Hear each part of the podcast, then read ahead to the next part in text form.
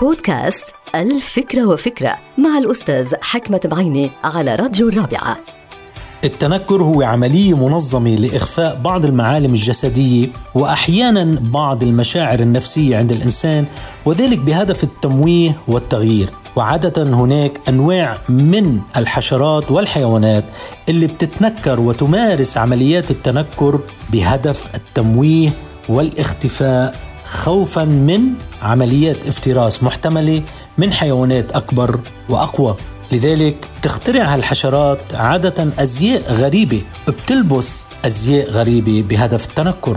مثلا هذه الحشرات تراها أحيانا على شكل أوراق شجر أو زهور أو أشواك وتراها أحيانا بألوان مختلفة.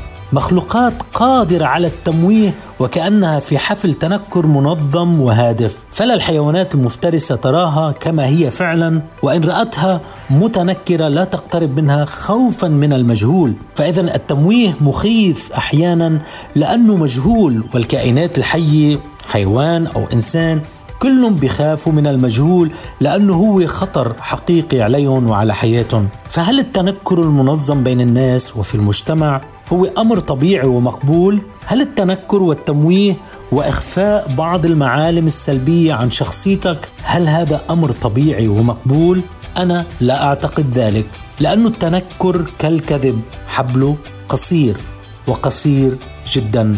انتهت الفكرة. هذه الحلقة مقتبسة من كتاب الفكرة وفكرة.